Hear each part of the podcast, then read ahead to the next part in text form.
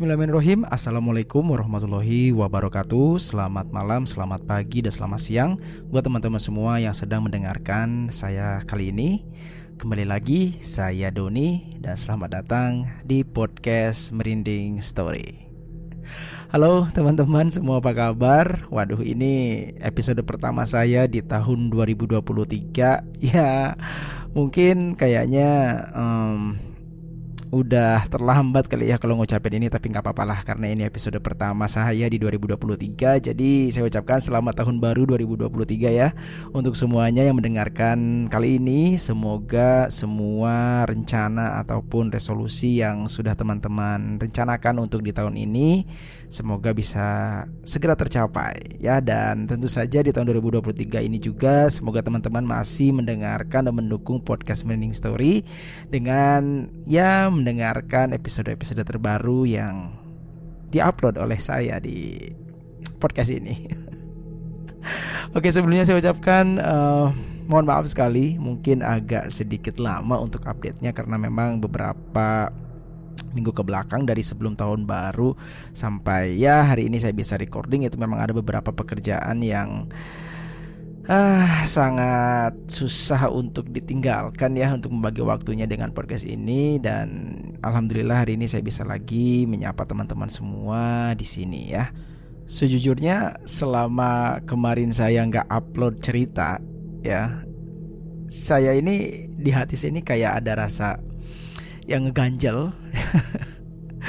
saya berasa punya utang gitu kan sama kalian semua. Karena kalian tahu sendiri di komentar uh, episode terakhir di cerita Lingkar Tumbal Keluarga Guntoro saya sudah menjanjikan kalau saya akan memberikan special chapter dari cerita ini.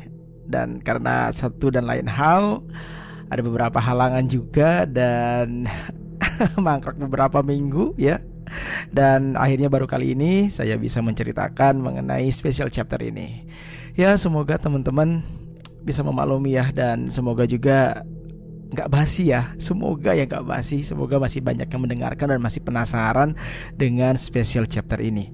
Kenapa? Karena di special chapter ini kalian bisa mengetahui tentang siapa Pak Guntoro ini latar belakang apa yang membuat keluarga Guntoro ini sampai dengan mereka melakukan pesugihan satu keluarga. Nah, kita akan bahas nih di special chapter ini. Oke, masih semangat ya untuk cari tahu mengenai special chapter ini. Oke, kalau teman-teman masih semangat dan masih mau mendengarkan dan sudah siap, silahkan teman-teman bisa mulai memasangkan headsetnya, siapkan cemilan karena untuk ceritanya akan segera dimulai. Dan cerita ini masih ditulis oleh Mas Restu Wiratmaja. Oke, sudah siap? Ini dia special chapter dari Lingkar Tumbal Keluarga Guntoro. Dan berikut kisahnya.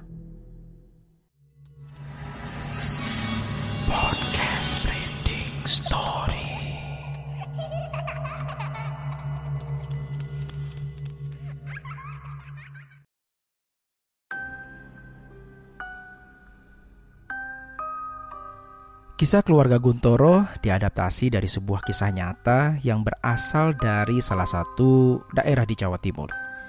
Nama desa Ampiri pun merupakan sebuah nama samaran yang memang tidak akan pernah diketahui letak dan keasliannya karena untuk menjaga sebuah privasi dan rahasia bagi semua orang yang berada di sana. Sebelum saya menulis kisah ini, saya mencoba mendalami dan meriset lebih dalam terkait kisah yang memang sangat tidak masuk akal menurut saya pribadi. Semenjak terjun ke dalam dunia kepenulisan yang mengangkat sebuah urban legend, mitos, cerita santet menyantet, atau bahkan pesugihan, baru kali ini saya menerima sebuah cerita yang berkaitan dengan tumbal dan pesugihan, namun korbannya adalah keluarga sendiri. Memang ini masih dalam batas wajar, masih bisa diterima oleh akal dan keberadaannya sangat banyak, walau tidak bisa diketahui secara langsung oleh orang-orang yang hidup normal seperti ala kadarnya. Namun, apakah ada sesuatu yang dicurigai dari kisah ini? Ya, benar. Kisah ini bukan hanya mengangkat tentang tumbal menumbal, akan tetapi di dalam kisah ini seluruh anggota keluarga Guntoro adalah pelaku dari pesugihan ini sendiri. Mereka semua memang telah memakan banyak korban dan terlebih lagi tidak ada satupun dari mereka yang tidak melakukan pesugihan kecuali almarhum Pak Darmo beserta istrinya yang memiliki seorang anak bernama Mita. Lalu, apakah selain itu mereka semuanya melakukan pesugihan? Bisa jadi seperti itu. Menurut narasumber yang saya temui, mereka semua melakukan pesugihan, namun dengan cara dan pesugihan yang berbeda-beda. Nah, berikut saya akan menjelaskan secara rinci dan jelas terkait akar dari permasalahan ini, yaitu Pak Kuntoro selaku orang pertama yang melakukan pesugihan ini. Pesugihan ular emas dan wanita pencuri kelamin pria.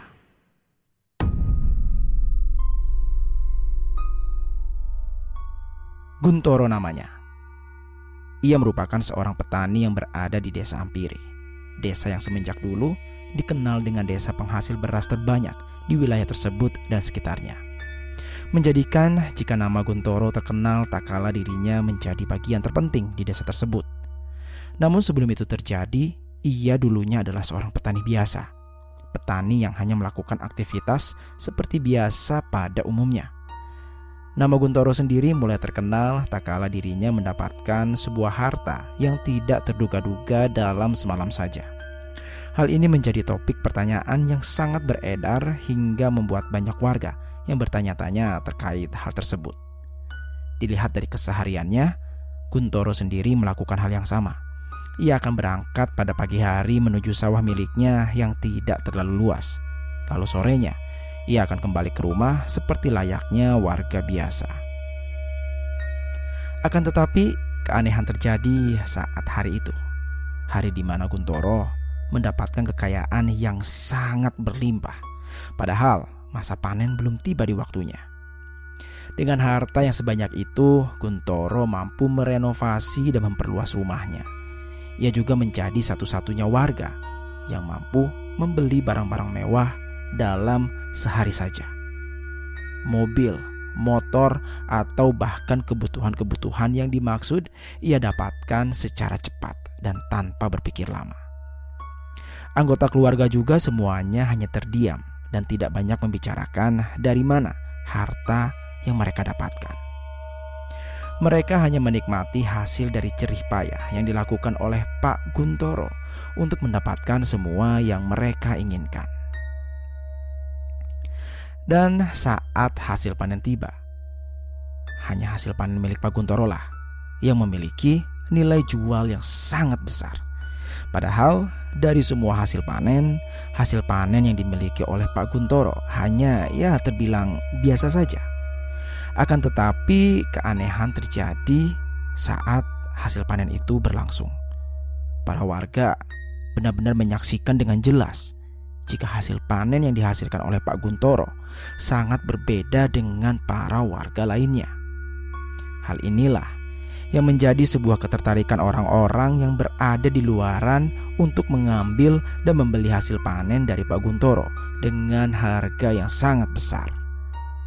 Sampai suatu hari, kecurigaan pun dirasakan oleh salah seorang warga yang bernama Pak Jawir.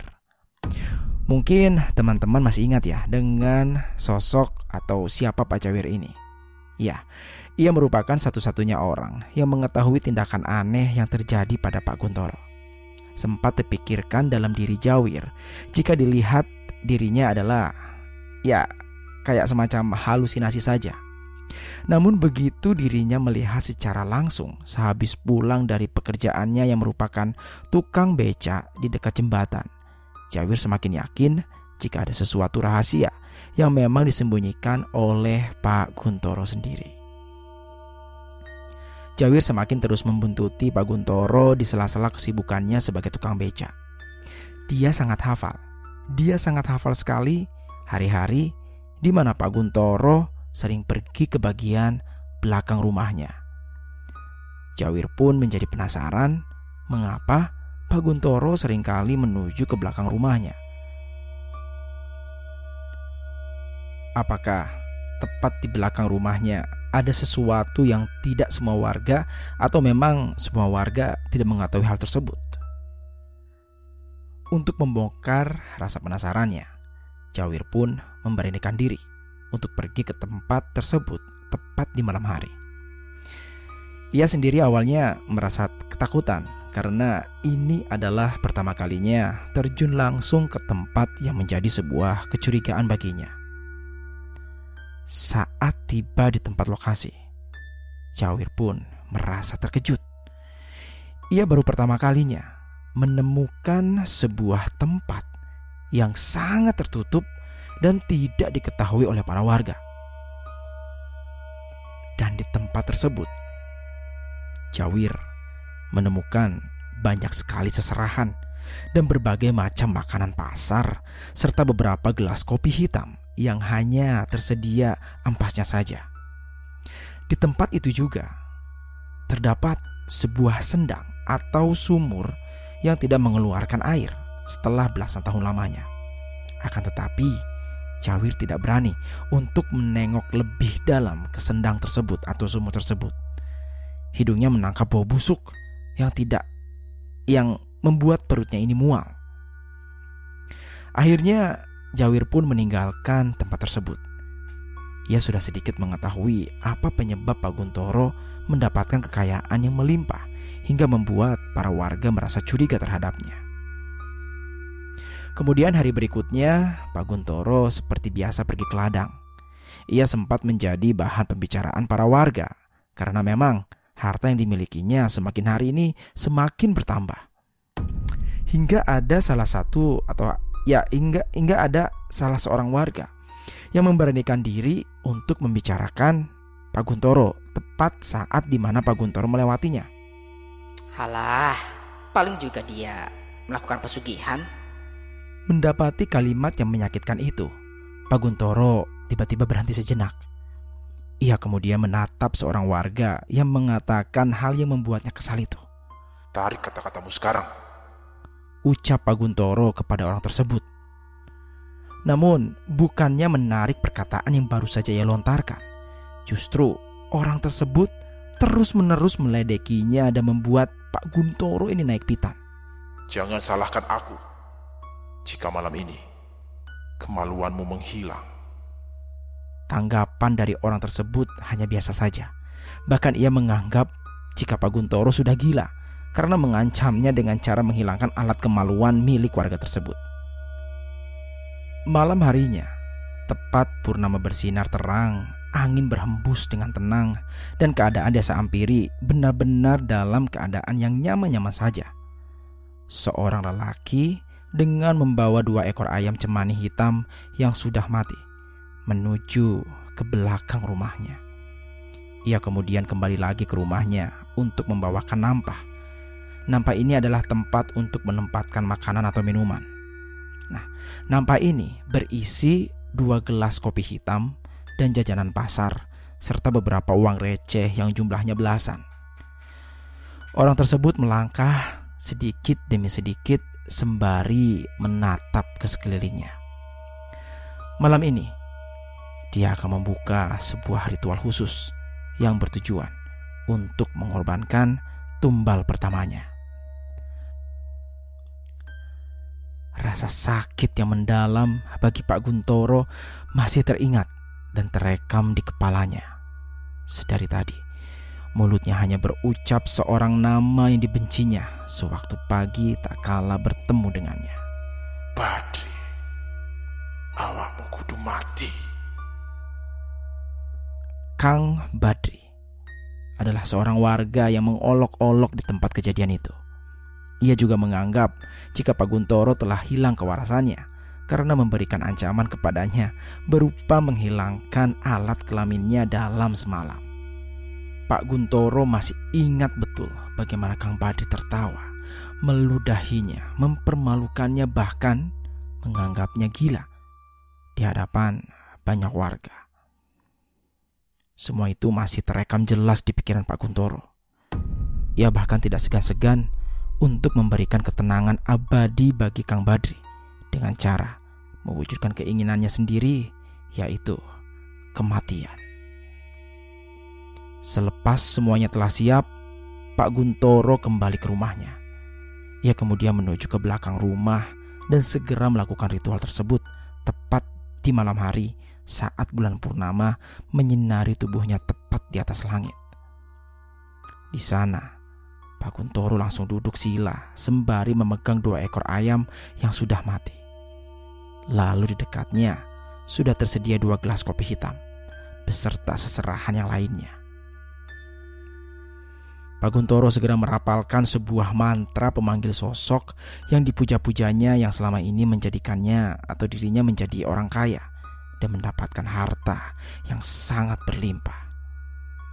Ia juga mengangkat kedua ayam tersebut ke atas langit sembari memohon-mohon untuk mengabulkan permintaannya, yaitu membunuh seorang warga yang bernama Badri. Setelah mantra itu selesai dibacakan, Pak Guntoro segera melemparkan kedua ayam tersebut tepat di dalam sendang atau sumur yang menjadikannya sebagai sumur harapan pemanggil. Tak lama kemudian, suara desisan ular terdengar jelas. Sekitaran sumur langsung bercahaya. Pak Guntoro segera menutup kedua matanya karena kilauan cahaya tersebut. Dari dalam sumur, keluarlah sosok siluman ular yang berwarna emas. Sosok tersebut kemudian menawarkan sesuatu kepada Pak Guntoro. Aku ingin menumbalkan seorang warga yang bernama Badri. Siluman ular tersebut kembali mendesis. Itu tandanya permintaan dari Pak Guntoro diterima dan dikabulkan. Sosok siluman ular tersebut kemudian kembali memasuki sumur dan berganti wujud menjadi seorang wanita dengan wajah yang sangat menyeramkan. Kukunya sangat panjang dan memiliki tawa yang sangat mengerikan. Wanita tersebut adalah sosok yang nantinya akan mengeksekusi kematian dari Badri. Pergilah malam ini ke tempat Badri Potong kemaluannya sampai dia benar-benar tidak bisa melakukan apa pun kecuali sampai kematian menjemputnya.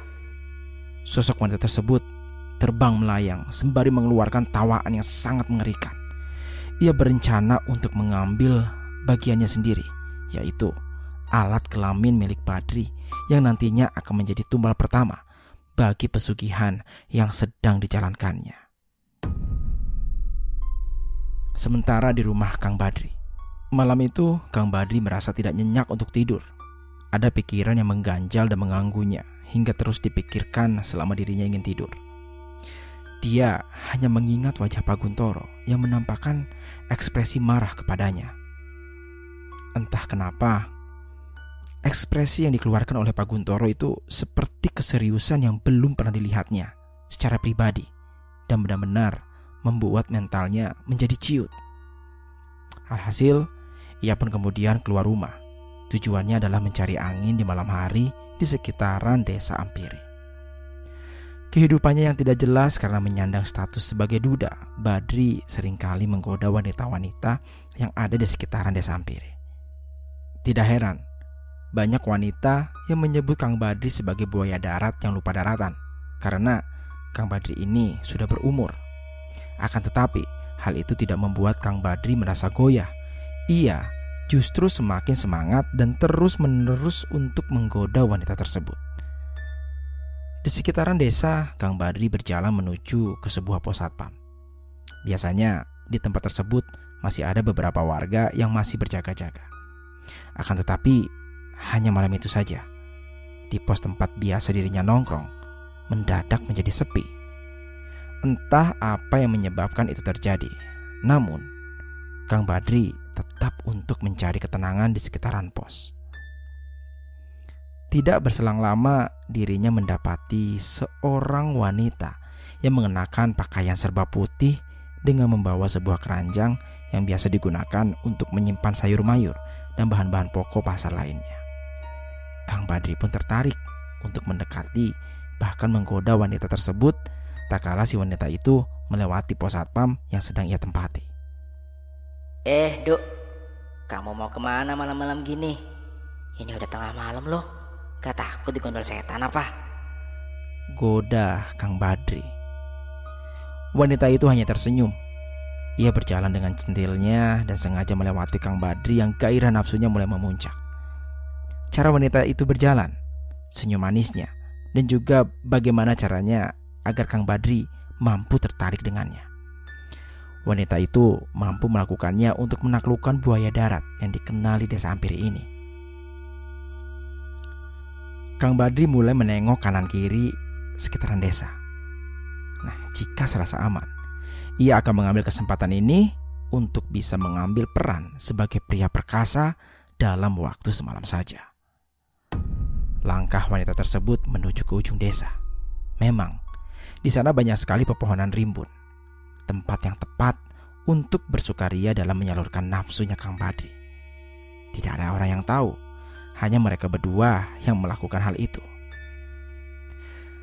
Kemudian saat di mana wanita itu berada tepat di hadapan pohon, Kang Badri mulai membuka pakaiannya. Ia tahu wanita itu mulai malu-malu dan berkeinginan agar Kang Badri terlebih dahulu untuk melakukan pemanasan. Dok, kamu sudah siap? Anu mas, mas telanjang aja dulu. Terus tolong ya bukain pakaianku. Hmm, kalau begitu, mas langsung buka semuanya. Maklum, mas sudah gak tahan. Wanita itu hanya tertawa ringan Ya, sudah diduga. Kang Badri lebih dulu bergairah. Bisa dibilang kemaluannya telah lebih dulu tegak karena terangsang dengan apa yang akan ingin dia lakukan. Perlahan, kakeknya melangkah menuju ke arah wanita tersebut. Aroma wangi dari wanita tersebut benar-benar tercium dari dekat. Tubuhnya yang indah dan putih bersih membuat Kang Badri benar-benar terbuai dalam kecantikan wanita tersebut. Saat dirinya sudah berada di dekat wanita tersebut, Kang Badri perlahan melepaskan satu persatu pakaian yang dikenakan oleh wanita itu. Eh, Duk, kamu gak dingin kan? Uh, maksud Mas, kalau nanti masuk angin, kamu bisa nginep di rumah Mas aja. Rumah mas gak ada orang kok, tenang aja. Wanita itu hanya tertawa ringan. Tidak ada kalimat yang diucapkannya kecuali hanya tertawa. Perlahan, Kang Badri mulai mendekap wanita tersebut dari belakang. Namun anehnya, dia merasa tubuh wanita tersebut ini sangatlah dingin. Bahkan, kemaluannya saja serasa seperti berada di dalam air yang sangat dingin. Akan tetapi, Kang Badri tidak mempedulikan hal tersebut. Ia tetap berkeinginan untuk melampiaskan segala nafsunya hanya demi semalaman. Sesaat di mana tangan wanita itu mulai memegangi tangan Kang Badri. Kang Badri langsung terkejut. Ia merasakan jika kuku-kuku dari wanita tersebut berubah menjadi sangat panjang. Kang Badri pun mulai melepaskan pelukannya.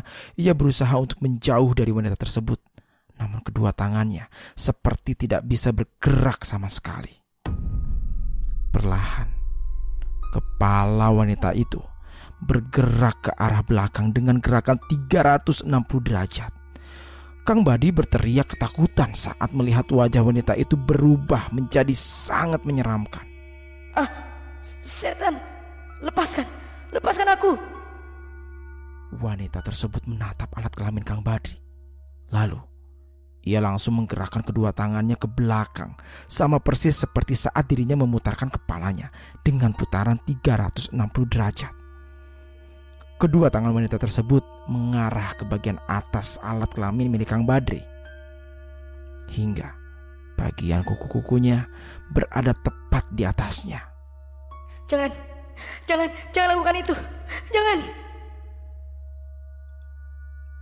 Kemaluan milik Kang Badri putus Bersamaan dengan itu, wanita itu langsung melepaskan ikatannya. Kang Badri sangat kesakitan. Kedua tangannya langsung memegangi alat kelaminnya. Darah bercucuran ke mana-mana. Tidak ada yang menolongnya dalam nestapa penderitaannya. Malam yang sangat kelam bagi Kang Badri. Seorang duda yang dijuluki buaya darat desa Ampiri. Ia meninggal dunia pada malam itu juga.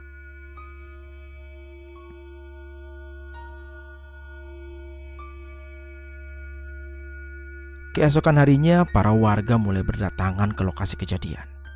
Mereka melihat ada jasad seorang pria tanpa busana yang sedang memegangi bagian alat kelamin. Namun, saat kedua tangan itu dibuka, para warga terkejut tak kalah melihat alat kelaminnya ini sudah terputus. Kedua mata dari jasad itu terbelakang ke atas. Mulutnya tidak bisa tertutup. Banyak lalat yang menghinggapi bagian alat vital jasad tersebut. Darahnya yang bau amis pun mulai mengeluarkan bau busuk dan para warga memang tak asing dengan wajah dari jasad tersebut. Ya, dia adalah Kang Badri. Kematian Kang Badri yang merupakan kematian teraneh yang pertama kali terjadi di desa Ampiri sempat menggegerkan warga. Semenjak kejadian tersebut, beberapa korban lainnya berjatuhan tak kalah melihat wanita yang mengajaknya bersenggama di ujung desa. Mereka semua mati dengan bagian alat kelamin yang putus. Terkadang juga ada beberapa korban yang alat kelaminnya ditancapkan di tanah dengan ditusukkan menggunakan sembilah kayu kecil tipis layaknya sate. Kematian yang tidak wajar ini membuat para warga ketakutan.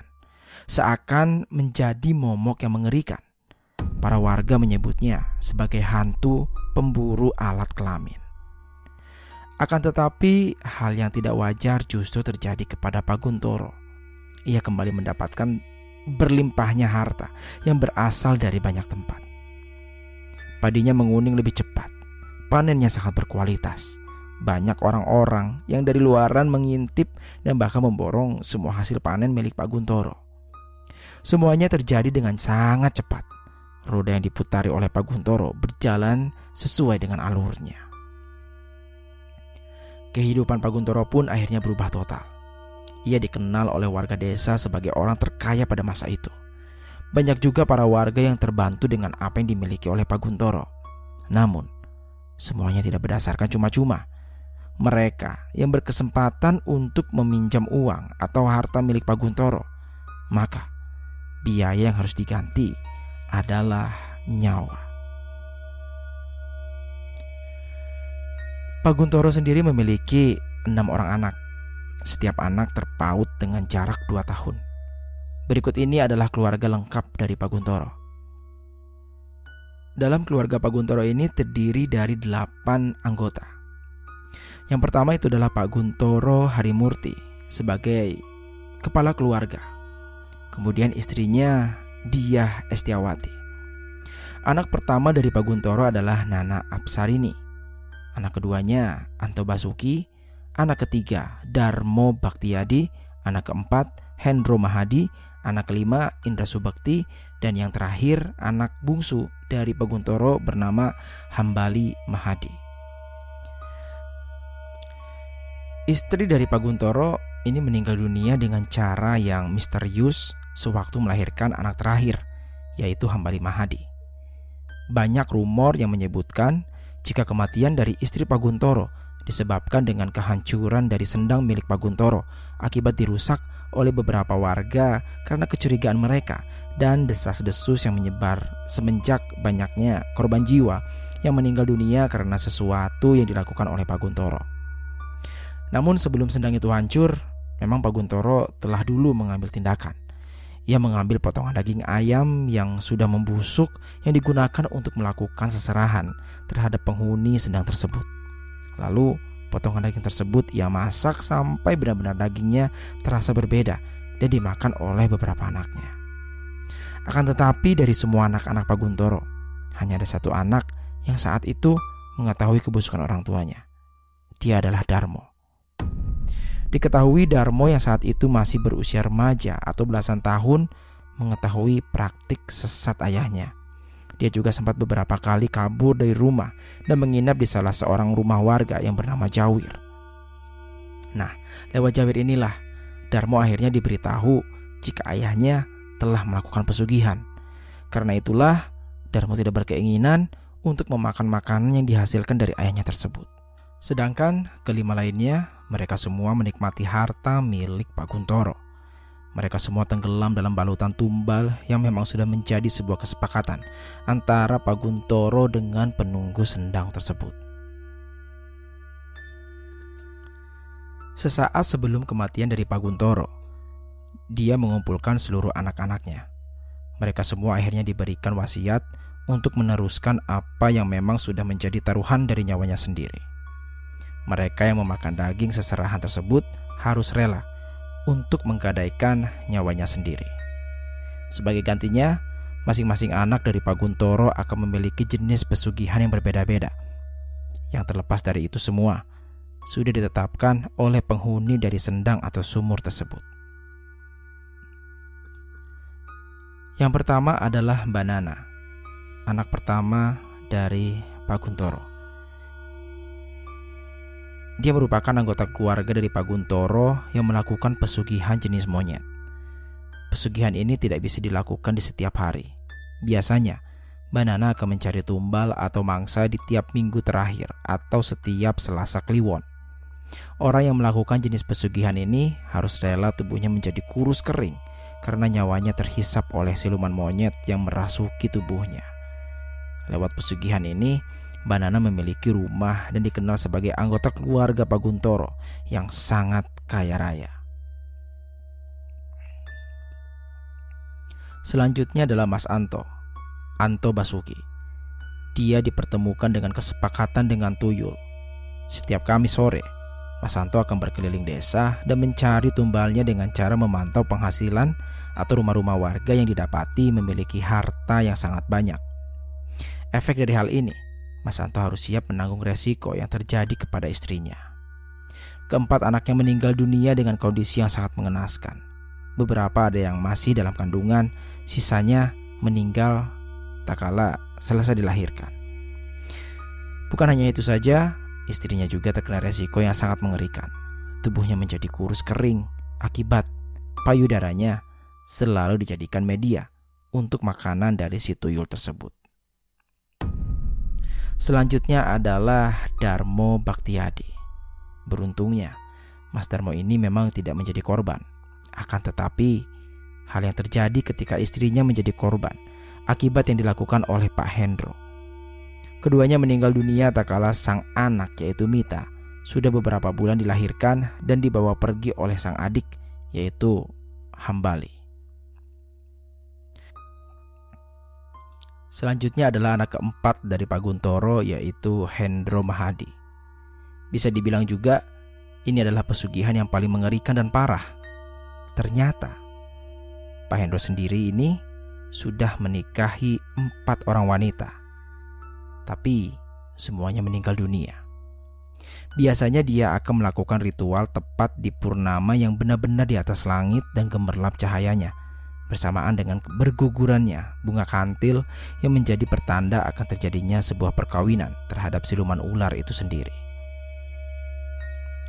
Fakta menarik dari Pak Hendro adalah dia memiliki anak hasil dari bersenggama dengan adik tirinya, yaitu istri dari Mas Darmo.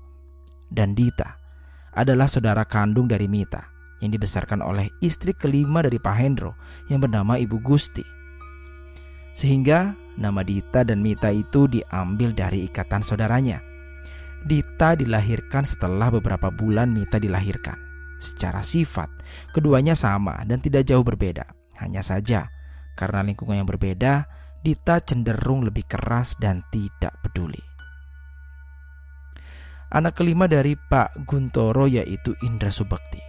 Nah, Mas Indra sendiri ini adalah satu-satunya dari keluarga Guntoro yang bernasib sial namun dia sendiri tidak memiliki rasa belas kasihan.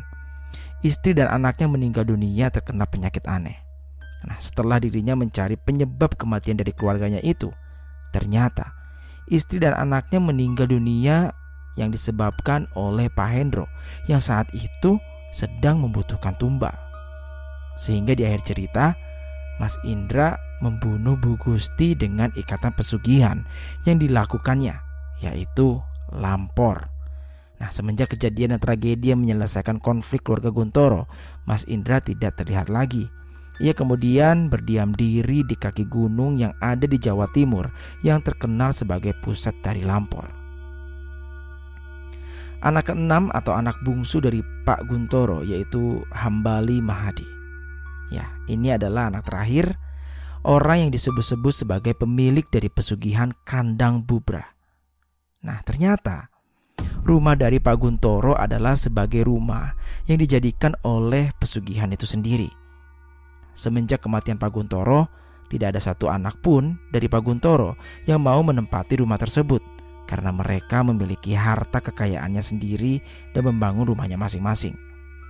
Hal ini dijadikan sebagai bahan peluang dari Mas Hambali karena dirinya yang melakukan ikatan terhadap hal itu. Akan tetapi, semenjak dirinya pergi ke salah satu tempat di Jawa Barat dan menimba ilmu agama serta membangun pesantren di sana, Mas Hambali terus-menerus dibuntuti oleh sosok yang dulunya terikat dengannya, yaitu sosok dari pesugihan kandang bubra. Nah, cerita ini diadaptasi dari sebuah kisah yang sangat menggigit selera untuk diangkat, seakan menjadi sebuah cambuk bagi diri sendiri. Ternyata di sekitaran kita, hal-hal yang seperti ini masih banyak dan jarang disentuh. Nah, karena itulah Hal-hal yang memang tidak masuk akal bisa menjadi sebuah pembelajaran yang berharga untuk lebih berhati-hati dalam hal menjalani kehidupan. Ingat ya, kehidupan yang tenang itu tak kala kita menggaris besarkan semua kehidupan kita kepada Tuhan, bukan kepada setan. Karena sejatinya setan itu hanya menawarkan kesenangan sementara. Sedangkan tak kala masa itu datang, kita akan menjadi orang yang merugi karena telah mematuhi perintah setan. Nah, oke okay, teman-teman, itu dia spesial chapter dari cerita Lingkar Tumbal keluarga Guntoro. Kita sudah mengetahui latar belakang awal mula Pak Guntoro ini melakukan pesugihan dan kenapa pesugihan ini akhirnya diturunkan kepada anak-anaknya. Dan episode ini semoga bisa menjawab pertanyaan-pertanyaan atau rasa penasaran teman-teman yang sudah mendengarkan cerita um, lingkar tumbal keluarga Guntoro dari episode 1 sampai episode 5 ya. Semoga semuanya bisa terjawab dan sudah tidak ada lagi penasaran. Nah, dan buat teman-teman yang baru saja bergabung dan langsung mengeklik episode ini mungkin akan agak sedikit bingung sih ya. Apa sih ini maksudnya? Nah, biar nggak bingung, silakan teman-teman bisa mendengarkan dari mulai episode pertama sampai episode 5 ya. Terus nanti boleh balik lagi ke spesial episode spesial chapter ini. Atau mungkin teman-teman ingin membaca dalam bentuk tulisan, ini boleh banget, bisa banget karena sekarang teman-teman bisa baca secara gratis di Twitter. Karena Mas Restu sudah menguploadnya, sudah mempostnya di Twitter. Jadi silakan teman-teman bisa membaca sendiri dan bisa berimajinasi sendiri dari hasil membaca teman-teman. Oke, teman-teman, terima kasih banyak sudah mendengarkan episode kali ini. Semoga semua cerita di episode ini uh, bisa kita ambil hikmatnya, bisa kita ambil nilainya, tentunya yang positif-positif ya. Dan kita ketemu lagi di episode yang akan datang, insya Allah dengan cerita-cerita dari Mas Restu lagi. Oke, terima kasih. Saya akhiri untuk episode kali ini dengan bila taufiq wal hidayah. Wassalamualaikum warahmatullahi wabarakatuh. Akhir kata, salam merinding.